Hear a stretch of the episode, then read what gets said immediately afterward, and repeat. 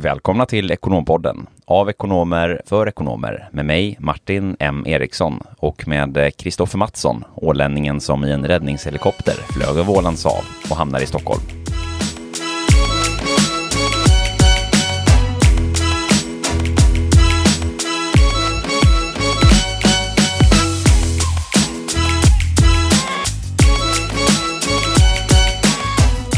Är lika varmt i inspelningsstudion idag som det är i mitt sovrum och det börjar bli olidligt. Martin, vad, vad ska jag ta mig till? Du, jag säger kontoret. Fantastisk AC.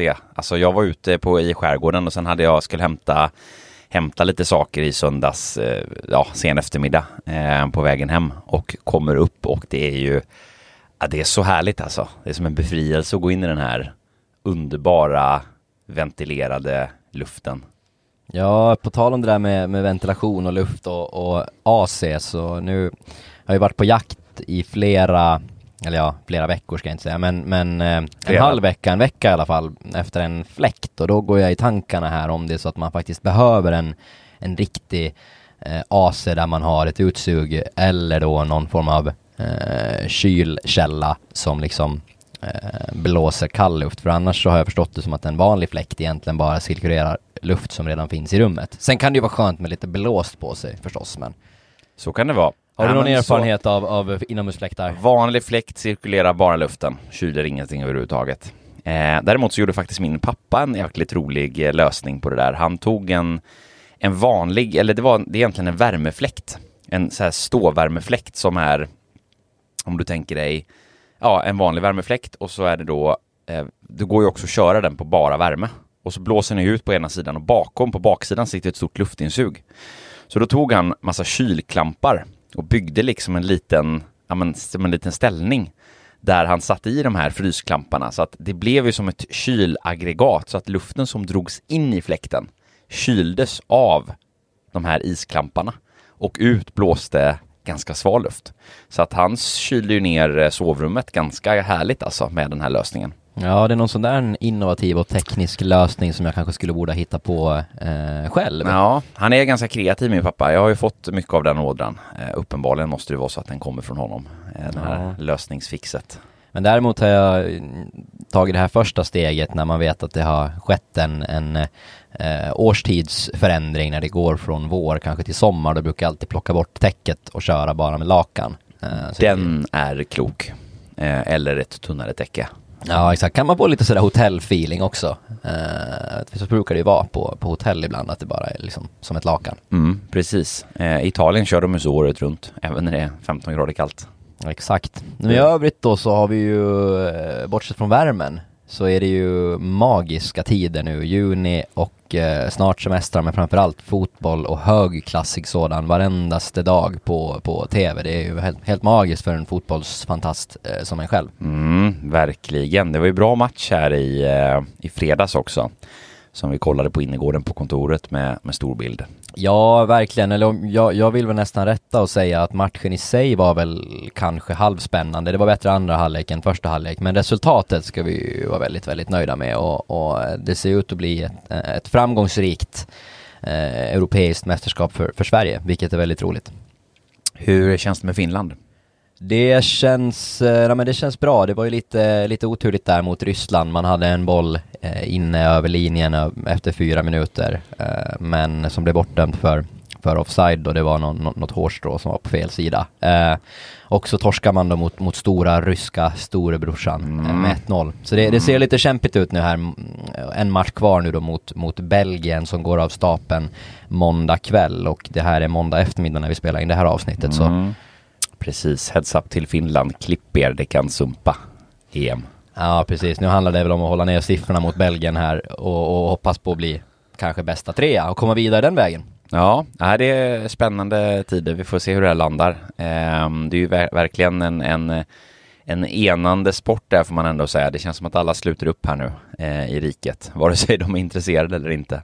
Verkligen. Ja, och så har vi sista, Sveriges sista match här på onsdag också. Då har vi även lite sommaravslutning med, med kontoret. Det ska bli väldigt trevligt. Det ska det bli. Se vad de har hittat på kollegorna. Det blir riktigt spännande att och, eh, ta del av den och njuta här av, av lite häng innan, innan semestrarna kickar igång.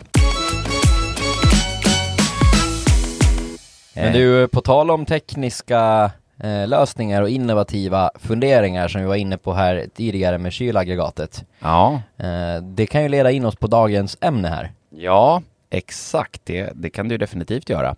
Och vi tänkte ju idag hoppa in på egentligen att ge lite grann eh, eh, en introduktion egentligen till det här ämnet med eh, trans, den tekniska transformationen som sker inom finance-funktioner.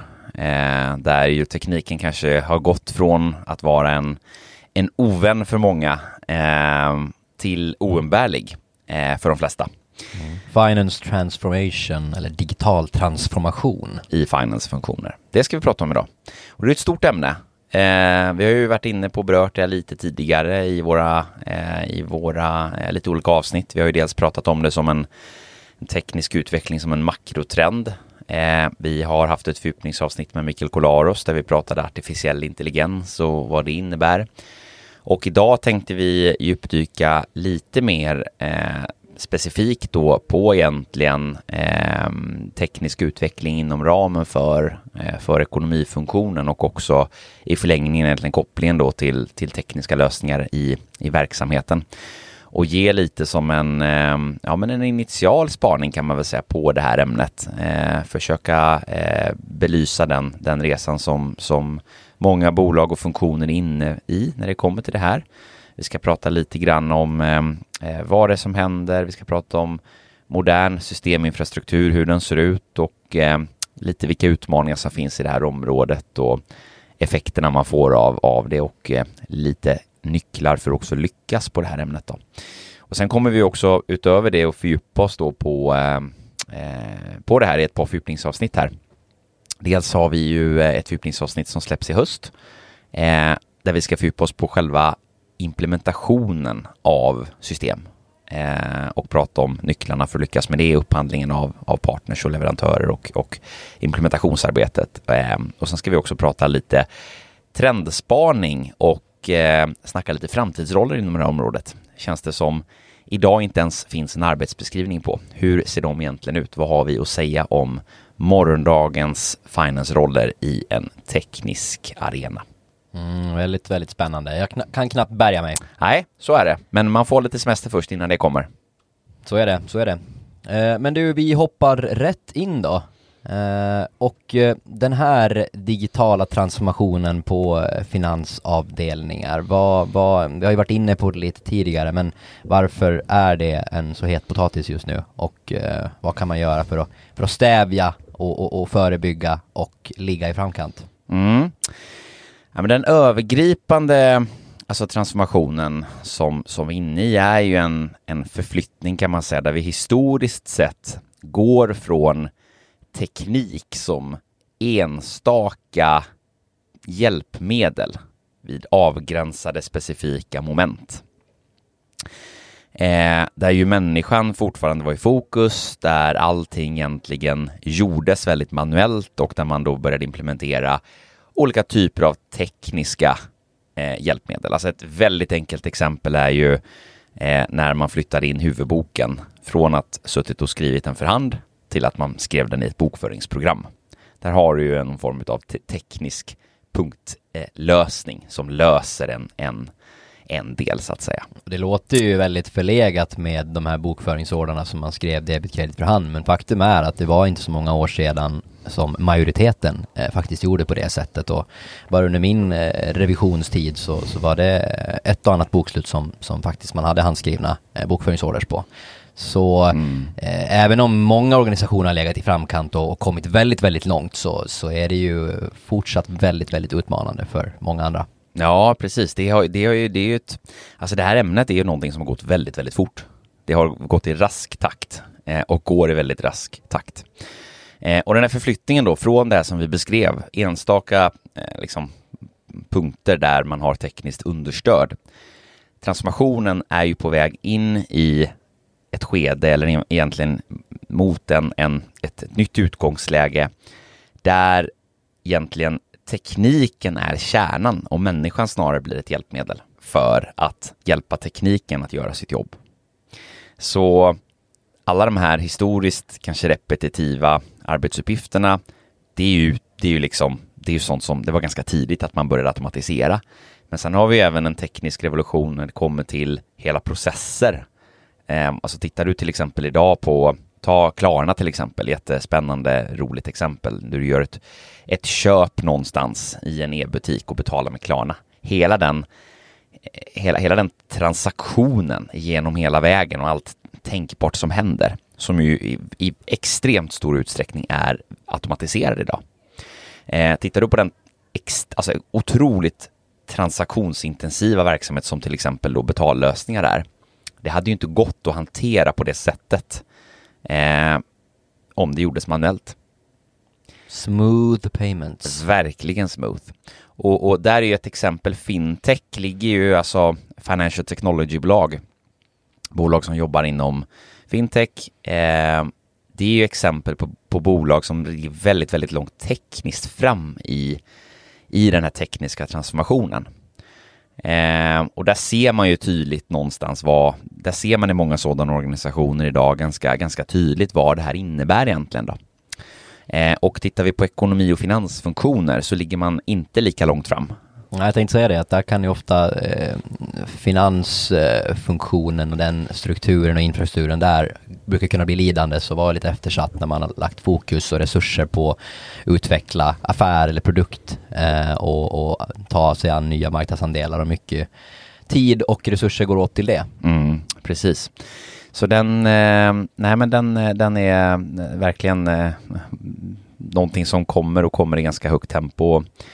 Eh, när, vi, när vi bygger ut den här intelligensen i de här systemlösningarna eh, så är det, det, dels är det någonting som sker på ekonomi och finansfunktionerna eh, inom ramen för ekonomi och finansfunktionens primära då uppdrag när det kommer till någon form av eh, alltså dels hantera alla transaktioner som sker i ett bolag och, och, och liksom att hantera de finansiella ställningarna och rättvisande resultat och balansräkning och sen beslutsstöd och sådär. Det är också ganska intressant hur ekonomifunktionen har olika roll i olika bolag. Vissa ja. betraktar ju ekonomi som en service och stödfunktion medan många andra vill ju ha den så nära förankrad affären som det bara är möjligt för att kunna ta ännu bättre strategiska ja. beslut. Och ofta är det både och, eller det är ju såklart, det finns ju ett, ett eh, legalt, en legal funktion som den under, så att säga, understödjer. Eh, att, att man måste ha, eh, det finns regulatoriska krav på ordning och reda i böckerna. Eh, men, men precis som du säger att eh, närmare och närmare affären och verksamheten. Och det gör ju då att vi också kommer in på det, dit jag tänkte komma just att då får vi också en, en, en implikation som bygger på den tekniska transformationen och utvecklingen ute i verksamheten. När den, I takt med att den sker och, och affären blir mer automatiserad så får det också en implikation på att ekonomi och finansfunktionen behöver hänga med och den tekniska infrastrukturen behöver hänga hela vägen för att få det här egentligen då att funka. Så det gör egentligen, eh, kan man säga att behovet av en tekniskt kunnande i ekonomifunktioner eh, ökar. Eh, bygger vi ut vår intelligens i våra system så ökar också kraven på att vi jobbar i, i processer, tydligt satta processer som, som går och, och så att säga göra, eh, göra just automatiserade. Um, och hela fokuset på egentligen datahanteringen och liksom vem som äger och ansvarar för vilken data, hur data hänger ihop och eh, datatransformation mellan olika, eh, mellan olika datakällor och att samla data också blir en, en kritisk faktor då, för, att, för att få det här att, att hänga ihop. Så eh, vi kan väl hoppa in lite tänker jag på det här med om vi pratar om modern systeminfrastruktur idag på ett bolag eller på en ekonomi och finansfunktion. Vad menar vi egentligen med det? Ja, precis. Det finns men... ett samlingsnamn. ERP. Ja. Vad står det för?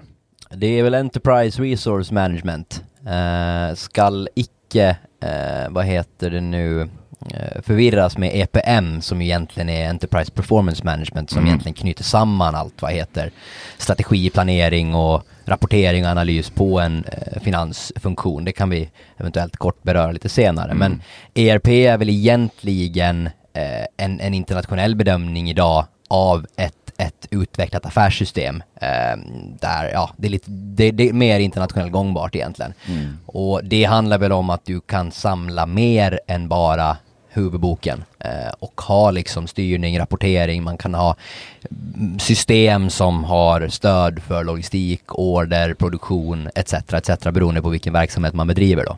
I samma system någonstans ja. Och det finns ju ett 40-tal idag, eh, stora kan man säga, vedertagna eh, ERP-system eller affärssystem egentligen då. Eh, där ju ekonomi, precis som du beskriver, ekonomi blir ju en så att säga, vertikal i det här, eller en, en del av dem, eh, själva huvudbok och redovisning och så vidare. Och sen då stöd för de olika processerna. Um, kan ju nämna några bara, Oracle, SAP, Workday. Ja, Microsoft Business Central, NetSuite, Monitor för produktion, finns ju många olika. Så är det. Och eh, de här ERP-systemen är, är ju ofta då någonting som kan samla som sagt, det blir någonstans kärnsystemet i, i verksamheten. För att kontrastera då Fortnox till exempel så, så kanske man idag ännu inte kan betrakta som ett ERP-system. Nej, det är mer i grunden ett, ett bokföringssystem. Sen har ju Fortnox då lyckats väldigt, väldigt väl mot målgruppen små och medelstora bolag genom den här gigantiska integrationskartan de har byggt mot massa stödleverantörer. Eh, och då kommer vi in på det här med Instix och kompletterande system. Ja, nu som... till exempel har ju Fortnox köpt upp eh, Agoy, ett system där man kan eh, implementera bokslut och skatt och, och, och, så vidare och så att du ska kunna ha den helhetslösningen. Mm. Och det är ju även in integrationer mot, mot system som Fortnox då inte själva har någon, någon ägarandel i så att säga, utan där de enbart då har en, en stark integrationskarta mot väldigt, väldigt många stödsystem så att du i princip då kan bygga ihop den typen av eh, heltäckande lösning.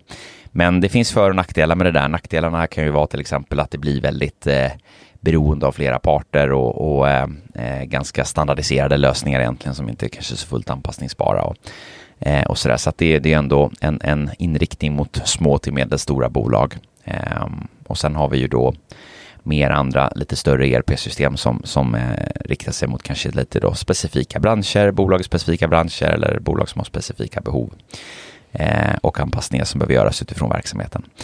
Sen har vi då som sagt instickssystemen. Det kan vara kompletterande system som till exempel då elektronisk leverantörsfakturahantering.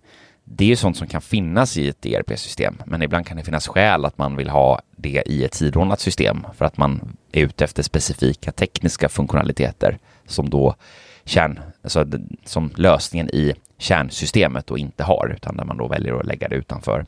Och samma kan till exempel vara i frågor om business intelligence, alltså BI-system. Eh, det är ju system som då handlar om att egentligen ge ett beslutsstöd, ett analysunderlag egentligen och beslutsunderlag för att se hur olika delar av verksamheten presterar och går och ge egentligen ett, ett, ett beslutsunderlag för, för managementbeslut. Eh, det kan ju vara sådana funktioner som finns i ett ERP-system. Man väljer ibland att lägga det utanför därför att man vill ha ett specifikt sådant med specifika funktioner. Eh, och det är samma sak med till exempel då koncernkonsolideringssysteem eller liknande. Intressant det där och man hör ju direkt att det är ju en, en djungel av inte bara övergripande eh, affärssystem men likväl insticksmoduler i, i system och sådär och vi var inne på det i början, det, det, det, kräver och förutsätter ett ökat tekniskt kunnande. Dels hos medarbetarna för att de ska förstå vad de gör och hur de gör men, men vi, som vi var inne på, vi kommer ju beröra lite mer kring upphandling och sådär men, men bara lite kort kanske nämna hur, hur, hur gör man för att orientera sig i den här djungeln av, av system och hur ska man kunna utbilda den kompetensen eller ska man förlita sig på att de, den systemleverantören har den, den kunskapen då i form av support eller hur, hur, eh, hur går dina tankar där? Ja, nej, men jag, jag tänkte vi ska komma in på det eh, här också lite grann idag just med, med eh, hur man löser de här, de här, de här bitarna. Eh, men, men det är ju precis som du beskriver, det är ju en, det är en klar utmaning ehm, som, som är då den ena är ju att, att investera tiden som krävs för att implementera både de tekniska lösningarna och då det förändrade arbetssättet som blir någonstans konsekvens då av de tekniska lösningarna. Eh, det, det är ju en intressekonflikt mellan det kortsiktiga som ska bli klart. Vi har en månadsrull på ett månadsbokslut som ska levereras, vi har rapporter som ska skickas ut, vi har analyser som ska göras och sen så går vi vidare till nästa månad. Så jobbar ju ekonomi och finansfunktionerna i mångt och mycket. Det är liksom en, en, en, en månadscykel, kvartalscykel eller årscykel. Eh, eller både och då såklart då. Eller samtliga tre här. Och att då frigöra den tiden för att få tid att hantera de här förändringsfrågorna. Det är ju en utmaning. Och det gör det inte lättare heller av att förändringstakten i både verksamhet och teknik är så hög. Och då också få liksom teknisk infrastruktur att hänga med, det, det är inte så himla enkelt alla gånger. För att oftast när du liksom är, har skopat ett behov, du har gjort en förstudie, du gör en, en, en analys, du landar i en konklusion, vi ska göra de här förändringarna, vi ska implementera de här lösningarna. Lagom till att det är klart så har ju verksamheten förändrats igen och fått nya förutsättningar. Eh, och tekniska förutsättningar också förändrats och utvecklats. Så att, att hålla de här lösningarna moderna och, och, eh, eh och, och liksom up to date, det, det är också en utmanande del. Och jag tänkte vi ska prata lite om det idag också, men hur man kan, hur man kan lösa det här och vilka liksom förutsättningar som också behövs. Men helt klart en, en utmaning. Um, mm, utmaning, men det finns mycket, och, mycket vinning också. Ja, men det gör ju det. Um, alltså några effekter vi ser i, i det här är ju dels alltså effektiviseringseffekten. Du får möjlighet till exempel att hantera tillväxt eh, i volymer utan att växa eh, i personal. Och det för ju med sig eh, ett antal konsekvenser. Dels eh, leveranssäkerhet, det vill säga att bara för att vi liksom tripplar volymen här så betyder det inte att det tar tre gånger så lång tid att få klart ett visst, en viss rapport eller någonting annat. Eller för att vi ökar komplexiteten i en viss affär så behöver inte det betyda att det tar, blir svårare för, för oss att få fram analyserna. Och risker förknippade med den manuella handpåläggningen. Exakt, de eliminerar, eliminerar vi också. Eh, att, att har du tripplar du volymen så ökar du riskantalet tre gånger. Ja, men det gör du inte om du har ett tekniskt sätt att hantera det, utan då kommer den risken att vara i absoluta tal så att säga då, då är det mer liksom ett, ett, system, ett systemfel eller liksom ett, ett processfel det handlar om. Så att åtgärdar man då det eller minskar risken för det så, så ökar då så att säga inte risken bara för att volymen till exempel ökar. Och också kopplat till volym så har du ju personalrisker i det här också. Att, att jobbar du system, enligt en, en, en tydlig process med ett systemstöd eh, och där en väldigt stor del av det här är automatiserat och inte sitter hos en enskild individ, varken kunskapsmässigt eller kapacitetsmässigt. Har du då en, en större funktion så, så blir det på så sätt också en, en, riskminimering i det hela. Så att det är ju mycket, mycket en, en blir på, på så sätt mycket ledarskapsfråga. Jag tänkte vi ska, vi ska som sagt komma in på det alldeles strax, med lite råd och, och tips på hur man kan hantera det här. Sen tänker jag på ytterligare en del då i det här och det är ju då utvecklingen också mot verksamhetens utveckling. Jag var lite inne på det tidigare också och beskrev just det att vi har ju en förändringshastighet också ute i businessen. Ehm, och det gör ju också att du kan få verksamhetskrav som helt enkelt ställer de här kraven på ekonomi och finansfunktionen. Att, att även om vi bortser från riskminimering och effektivisering och, och, och alla de här bitarna som vi precis har pratat om. Har du exempelvis väldigt automatiserade, säg en, en logistikverksamhet eller en form av liksom, alltså någon form av handel eller man handlar med varor och tjänster i, i ett väldigt högt tempo med en komplex logistik. Får du en väldigt hög grad av automatisering i de här flödena så kan du i många fall behöva ha en, en ekonomifunktion som kan, kan svara upp på det här. Eh, alltså ta exempelvis då att du har du, du, du säljer varor och produkter eh, licenser kanske. Du har liksom någon form av ganska komplex produkt du levererar där du har artiklar som består av flertal olika till exempel komponenter. Varje enskild komponent har ett serienummer på sig som är förknippat med olika garantiåtaganden eh, baserat då på var du köper in de här produkterna ifrån eller om du har tillverkat dem själv. Jobbar du inom medtech eller inom livsmedel så har du massa krav på till exempel att du ska kunna spåra komponenter, spåra ifall man eh, ifall någon, någon, en produkt ska återkallas och då får du liksom in batchnummerkomponent i det här, att du ska kunna följa specifika batchar eh, för, för att då kunna hitta snabbt att bra, nu återkallar vi bra, då behöver vi återkalla från de här 36 kunderna för att där ute finns den här produkten. och, och man ökar volymerna i det här, då ställer det också krav på att, att, att de transaktionerna och all den informationen hänger hela vägen i, i systemen. Att när det skickas ut en faktura till kunden eh, så ska ju den liksom fakturan kopplas ihop då med en specifik, då en specifik leverans eller vad det må vara. Va? Och då, då, då, kan du liksom inte heller hantera det här manuellt heller, så att då får du någonstans, det blir kritiskt att man då automatiserar och bygger ett systemstöd för det. Så att det är ju, verksamheten är ju också en drivare i det här. Verkligen. Ja, intressant. Det blir ju minst sagt knixigt att hålla koll på allt det där i, i huvudet eller på eh, ett, ett, ett anteckningsblock så att säga. Och jag tänkte vi, vi kan ju hoppa in lite på, eh, eh, på det här också då med eh, lite specifika råd och, och, och tips och sådär som, som man kan ta till sig och fundera lite grann på också för att lyckas med det här. Um, och för att förbereda sig, och, och, eller förbereda sig, man kan säga så här, många, många bolag är ju i den här transformationen och, och tycker att den är svår och utmanande. Och den är ju det av, av flera skäl. Uh, vi har ju varit inne på och belyst flera utav dem här idag. Um, men en, en nyckel då för att få det här att hänga egentligen, det är ju att, att man behöver säkerställa egentligen att man redan börja bygga om och anpassa befintliga arbetssätt eh, även då utanför tekniskt stöd, som om de vore ett arbetssätt i ett tekniskt stöd. Eh, och det jag menar då är ju exempelvis att man ställer om eh, att medarbetare arbetar enligt en tydlig process eh, som gör att när man väl går in i den här transformationen och ska säga implementera ett tekniskt stöd för en viss, ett, en viss process så är arbetssättet i vart fall redan klart.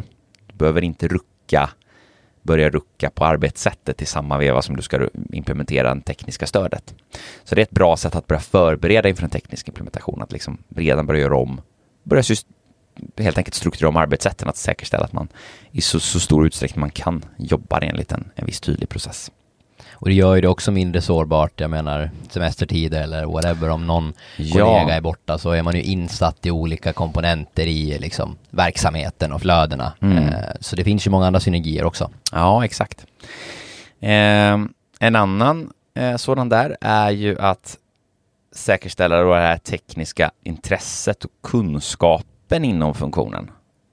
Um, det låter ju väldigt enkelt och det är ganska ja. intressant när vi pratar med många kandidater också ja. i, vårt, i vårt nätverk ja. liksom så brukar man ställa en fråga ibland så här, men vad brukar göra dig frustrerad sådär i regel? Mm. Och ganska ofta så får man ju svaret att, ja men det är när systemet krånglar. Eh, eller när det tar lång tid och det ska starta och jag behöver mm. starta om datan och, och det ena och det andra. Hur, hur säkerställer man ett, ett tekniskt intresse? Jag kan ju vara ärlig och säga att jag, jag ser ju helst att systemet fungerar själv, även mm. om jag liksom upplever mig själv att vara förhållandevis teknisk och, och, och ha förutsättningarna för att tycka att det är roligt så. Mm, precis. Jo, men det är ju samma som att du på liksom en redovisningsavdelning eller finansfunktion har diskussioner angående regulatoriska frågor till exempel. Alltså, det är ju lite, principen blir lite densamma, att ja men, ja, jag önskar bara att reglerna ser likadana ut imorgon som de ser ut idag. Så att när jag ska stänga det här bokslutet nästa år så är det inte så mycket som har hänt. Utan, och när den, här transformation, när den här transaktionen sker nästa gång och vi ska liksom lägga 250 timmar på att genomföra den så är det i princip samma regler som vi ska tillämpa som i år. Och så ser ju inte verkligheten ut. Ehm, och, och, och, då behöver man ju ha kompetens internt som tycker att de här frågorna är roliga. Ehm, jag, jag brukar beskriva det som en tre eh, som, en, som en egentligen triangel med, med tre stycken hörnpelare i sig. Eh, den ena är då eh, alltså teknik, eh, den andra är verksamhet och den tredje är arbetssätt.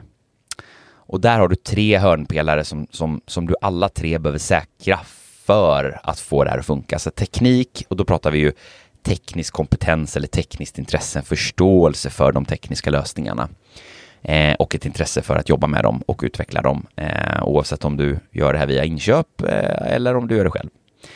Um, den andra... kanske många gånger är viktigare än att man till exempel arbetat i ett specifikt system tidigare. Ja men exakt, den hör man ju ofta så här, ja, men du ska ha, vi behöver ha någon som kan eh, eh fastighetskunderna, du behöver kunna Agresso eller ja men eh, vi ska ha någon som kan eh, det här systemet, SAP eller vad det nu må vara. Och, Och då kanske man får en person som har jobbat i Agresso i ett halvår och hatade det och förstod sig aldrig riktigt ja, på det. exakt. Och då blir det ju lite sådär, det här är ju bara ett litet, en liten, ett litet parallellspår till det här, någon kopplat till rekrytering, att är det en specialist i ett system vi ska ha, ja, då är det en helt annan femma. Alltså en superuser vi ska rekrytera, en systemadministratör till ett, ett liksom bolag med komplexa flöden och vi ska ha en systemspecialist. Då är det ju givetvis, då rekryterar vi någon med en befintlig systemkompetens för det här systemet. Men alltså är det någon medarbetare som ska jobba i det, då är det ju snarare tekniskt intresse, systemvana överlag som är mer kritiskt än att du faktiskt har jobbat i ett system och hatar det. och dessutom kanske inte ens är duktig på det. Bara för att du har jobbat ett år i SAP betyder det inte att du är bra på det eller ens tycker att det är kul. Nej, väldigt, väldigt god poäng. Ja. Så det, det, det är väl lite sådär ett litet sidospår och någonting som ändå vi vill eh, skicka med. Ja, att, det- att fundera i. Den de kan, vi, den kan vi verkligen skicka med. Och tillbaks då till den här, till den här triangeln. Ehm, om teknik och tekniskt intresse var den ena, eh, så, så blir då den andra, ska jag säga, verksamhet. Och det är ju ett verksamhetsintresse att förstå den transformation verksamheten är inne i, för alla verksamheter förändras och utvecklas hela, hela tiden. När du bygger en teknisk lösning eller utvecklar ett internt ett arbetssätt så kan du inte göra det baserat på så som verksamheten ser ut idag. Du måste göra det baserat på hur verksamheten troligen ser ut om två, tre år framåt, fyra år framåt ibland. Ska du upphandla ett ERP-system behöver du ha en ännu längre tidshorisont. Och, och då behöver man ha ett, ett starkt verksamhetsintresse för att förstå vilket understöd är det egentligen verksamheten behöver från oss? Hur kommer det understödet förändras i takt med att verksamheten utvecklas? Har du exempelvis då en, en viss typ av affär och där man till exempel gör om eh, gör om den affären, att den affären utvecklas till att ja, men från att vi har sålt de här tjänsterna till våra kunder så ska vi gå till att bli mer rådgivande och sälja mer lösningar i form av eh, konsultstöd. Eh, eller vi ska ändra prissättningen för att från att vi har sålt produkter så ska vi börja hyra ut dem och licensiera ut dem som servicelösningar. Men det får ju en väldigt stor implikation på de transaktionella flödena. Allt ifrån rent redovisningsmässiga flöden, hur fakturorna ser ut som skickas ut till kunderna, hur avtal ser ut när du ska ta betalt och fakturera, hur, hur säkerställer du att det som står på utfakturan stämmer med avtalsvillkor, eh, till då eh, den liksom rena eh, liksom affärsuppföljningen, analys, hur ska, vi, hur ska vi mäta lönsamhet i affären när vi har börjat prissätta våra tjänster på ett annat sätt och så vidare. Det är ju frågor som CFO, CFOns medarbetare ska leverera. Och då behöver man ju ha ett verksamhetsintresse att förstå den här transformationen verksamheten är inne i för att också bygga de tekniska lösningarna för att säkerställa då att den tekniska implementationen och utvecklingen vi gör också understöder verksamhetens behov och synergerar med den utifrån den transformationen. Så det är den andra. Tänkvärt. Ja. Och den tredje och sista egentligen, eh, den har vi lite berört tidigare, men det ska jag säga är just då arbetssätten. Att tidigt börja ställa om till arbetssätt som linjerar med hur vi kommer att jobba när vi är väldigt automatiserade. Och det är för att det har flera skäl. Och jag ska fördjupa mig lite på den, eh, för den är väldigt relevant. Och då är det så här att om du föreställer dig en historisk avdelning med mycket silos, tänk det vill säga att du har medarbetare som ansvarar för sina ansvarsområden väldigt, i väldigt liksom lodrät linje. Ja, men jag kanske har ett bolagsansvar för den här, det här bolaget och så gör jag alltifrån löpande bokföring, redovisning och svarar på frågor om bolaget och gör lite analyser och rapporter en gång per kvartal och sen så stänger jag bokslutet och, och, och skickar in det här och så vidare. Så har du fem sådana medarbetare i gruppen och alla har sitt eget bolag. Väldigt liksom silosorienterat arbetssätt när du har en väldigt automatiserad teknisk lösning på plats, eh, eller liksom ett tekniskt hö högteknologiskt arbetssätt, så blir allting mycket mer tydligt i en liten process. Och då blir det ju snarare att det är tekniken som utgör, det är tekniken egentligen som utgör själva hanteringen av allting som sker. Det sker i en teknisk miljö. För att den tekniska lösningen då ska funka, då behöver du istället för att de här fem medarbetarna har ett silo, alltså i princip likadana arbetsuppgifter alla fem. Då har du ersatt dem med en teknisk lösning. Då behöver du komplettera eller egentligen ersätta deras, så att säga, det, det jobbet de gjorde med mycket mer tydliga specialister. Till exempel då, ja men någon som är riktigt, riktigt vass på själva de rent systemtekniska lösningarna och kan, kan drifta och, och anpassa och utveckla flödena och processerna i systemen. Någon som är väldigt duktig på att jobba med att bygga rapporter, bygga analys och beslutsstöd för att generera beslutsstöd till samtliga de här fem bolagen som tidigare de här fem redovisningsekonomerna eller controllers eller vad den vill kalla dem gjorde. Vi var ju inne på det lite tidigare här och har ju namngivit några, några exempel, men det där, det där får ju vi stötta i ganska till vardags också, just när exempel när man har ja, men lyckas skala av sin eller skala ner sin arbetsstyrka med 50 procent för att man har effektiviserat och teknologiskt influerat de här processerna. Ja, precis. Och, och, och, exakt, och det ser vi också tydligt just om man ska prata nedskalning och uppskalning. Men vad skalar vi ner vad skalar vi upp? Ja, vi skalar ner på inhouse ekonomifunktioner. Vi skalar upp på hos våra leverantörer, alltså systemleverantörer, IT-bolagen, IT-konsultbolagen som levererar de här lösningarna som växer så det knakar. Det är där kompetensen sitter och rekryteras. Um, och, och, och, tillbaks till, till den här då arbetssättet. Um, Eh, vi beskriver ju det, då behöver man ha den kompetensen som kanske då han kan systemen, någon som kan bygga rapporter. Du behöver ha någon person som kanske fokuserar då på de rent redovisningstekniska frågorna. Hur hanterar vi de här eh, redovisningsspecialistfrågor? Och du behöver ha verksamhetsrepresentanter som kan prata med verksamhet istället för att alla fem personer gjorde det allt det här som vi beskriver inom ramen för sitt bolag så har du istället enskilda personer som gör det här inom ramen för sin del av processen. Och så här, så som jag beskriver det här, så kommer man att jobba när man är i en tekniskt automatiserad miljö. Och ska man då dit, då är det ju som sagt de här tre pelarna vi behöver ha. Det räcker inte med att implementera ett system. Du måste också förändra arbetssättet hos dina medarbetare. Och du måste också ha ett väldigt, väldigt stort öra mot verksamheten. Så att det hänger ihop och, och den här kedjan blir inte svag, starkare än dess svagaste länk. Så därför finns det mycket man kan göra runt omkring utifrån ett rent managementperspektiv också för att, att stödja den här transformationsresan. Och det är sådana frågor vi jobbar väldigt, väldigt mycket med. Mm, väldigt bra eh, tycker jag och som vi var lite inne på i början så var ju någonstans tanken att, att ge eh, en liten indikation om de här och belysa de här pro problemen och möjligheterna och, och sen i ett senare skede då fördjupa egentligen och vi kommer nog dels att bjuda in en implementationskonsult i någon form och just vad kan man tänka på när man mm. implementerar mm. ett system, vilka fallgropar finns eh, etc. etc.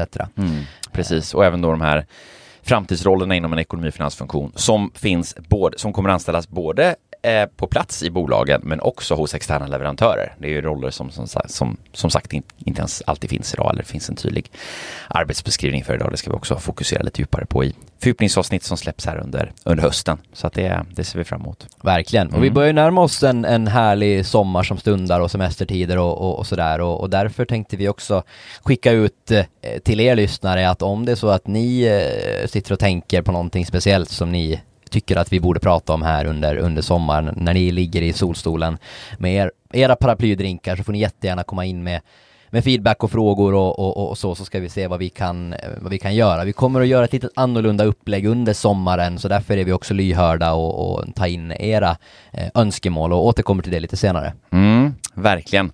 Det har kommit in en del här under, under våren eh, och framförallt här ska jag säga under försommaren här och nu början på sommaren. Eh, många intressanta vinklingar som vi har fått önskemål om som vi kommer att, att göra här under, under hösten också. Så att det ser vi fram emot att fördjupa oss med tillsammans med er. Verkligen. Men för den här gången så, eh, så sätter vi punkt och så återkommer vi nästa vecka och pratar lite om post-corona och eh, vad karriären, eh, hur, hur karriären kan tänkas se ut och vända sig här för dig som ekonom framåt. Verkligen. Mycket spännande. Och fram tills dess, njut av värmen. Glöm inte att ta ett dopp ibland, svalka, håll huvudet kallt. Verkligen. Ha det fint. Hej! Hej!